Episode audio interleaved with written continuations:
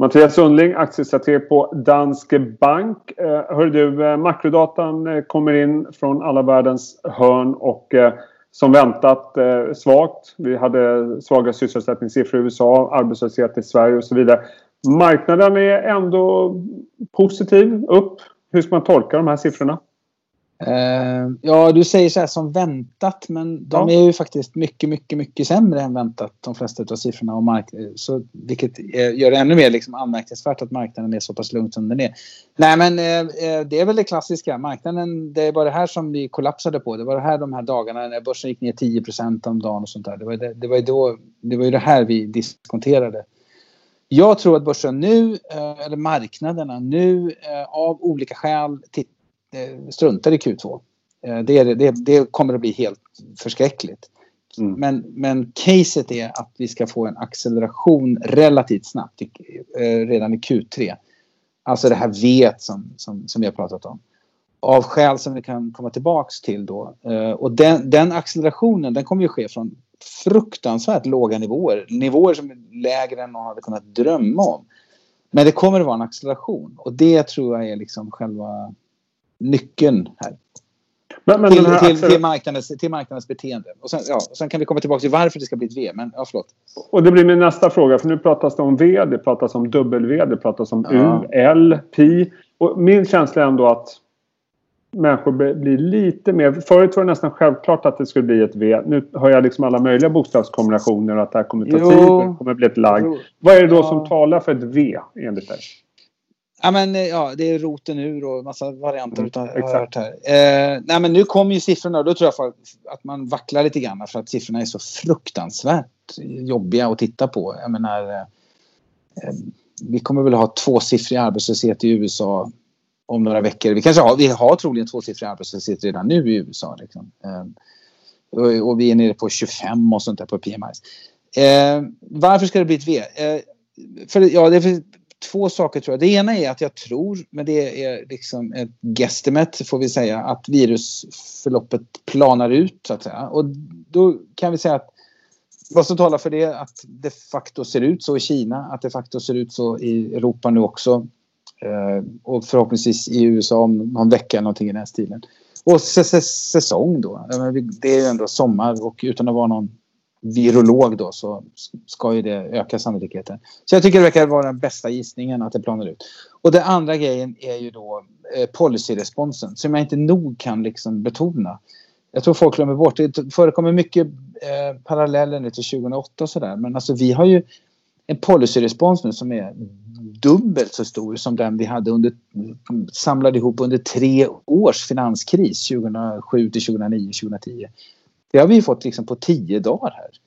TARP som det pratades så mycket om i USA som kom, det dröjde ett år från den första varningssignalen i augusti 2007 tills TARP röstades igenom efter mycket om och men. Som du kommer ihåg någon gång där hösten 2008. Det var på 700 miljarder. Vi har fått igenom 2000 miljarder på, på några dagar. Och det snackas om 2000 miljarder till. Så policyresponsen policy är liksom unheard of.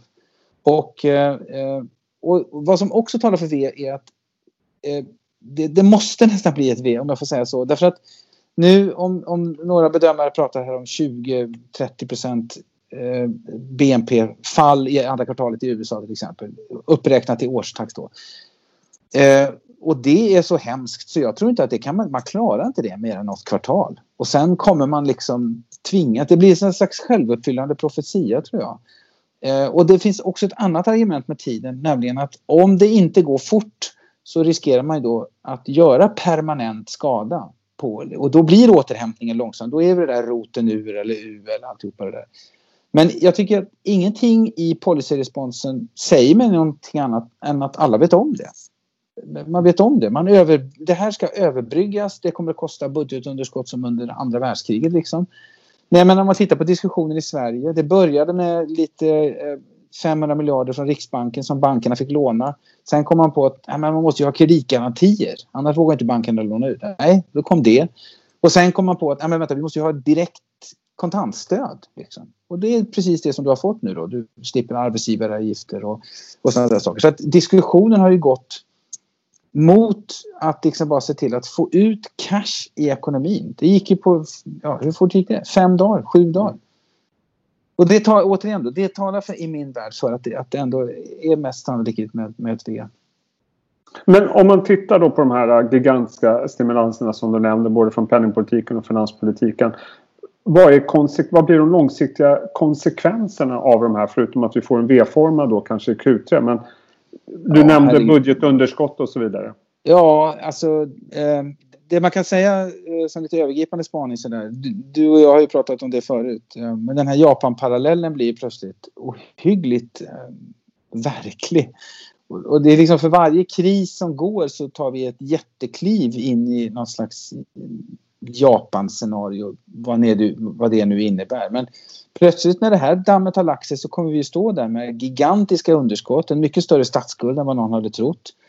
Och alla har räntor på noll. Och balansräkningar. Eh, jag, menar, jag såg beräkningar nu här på morgonen att Feds balansräkning är på väg upp mot 9-10 000 miljarder dollar vilket alltså är ungefär 50% av BNP. Det är en bit kvar till Bank of Japan för de är så på 100% av BNP. Men vi, det, det är däråt vi är på väg. Och vad, och vad det ska landa i, det, eh, det vet jag inte. Det, det vet ingen annan heller. Jag tror inte att det är någon diskussion som styr marknaden nu. Eh, det ligger liksom runt hörnet. Men, och det kanske ligger jättemycket långt bort. Jag menar herregud, hur länge har vi snackat om hur hållbar är den japanska situationen? Det har vi pratat om i ett decennium. Mm. Men, men eh, det som verkligen är noterbart är att hur snabbt vi har hamnat i det. Hur, hur tänker ni då kring eh, allokering och aktier ett sånt här scenario som ni har? Ja, eh, jag tänker att eh, jag, jag ska säga det direkt. Jag är mer köpare än säljare. Och jag är mer risk på än risk av i det här läget. Jag tror att eh, av lite olika skäl så är det farligare att vara överviktad obligationer än att vara överviktad aktier i det här läget.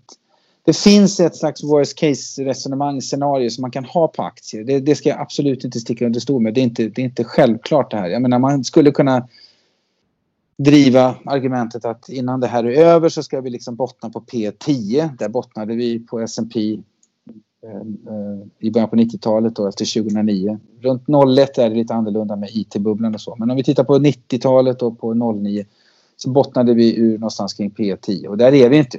Vi är på P13 eller någonting sånt där. Man kan också argumentera för att vinsterna ska ner Vinsterna har kommit ner. Alla vet att de ska ner mer, men man skulle kunna säga att de ska ner rejält mycket mer. Man ska kanske ner 30-40 procent eller sånt där.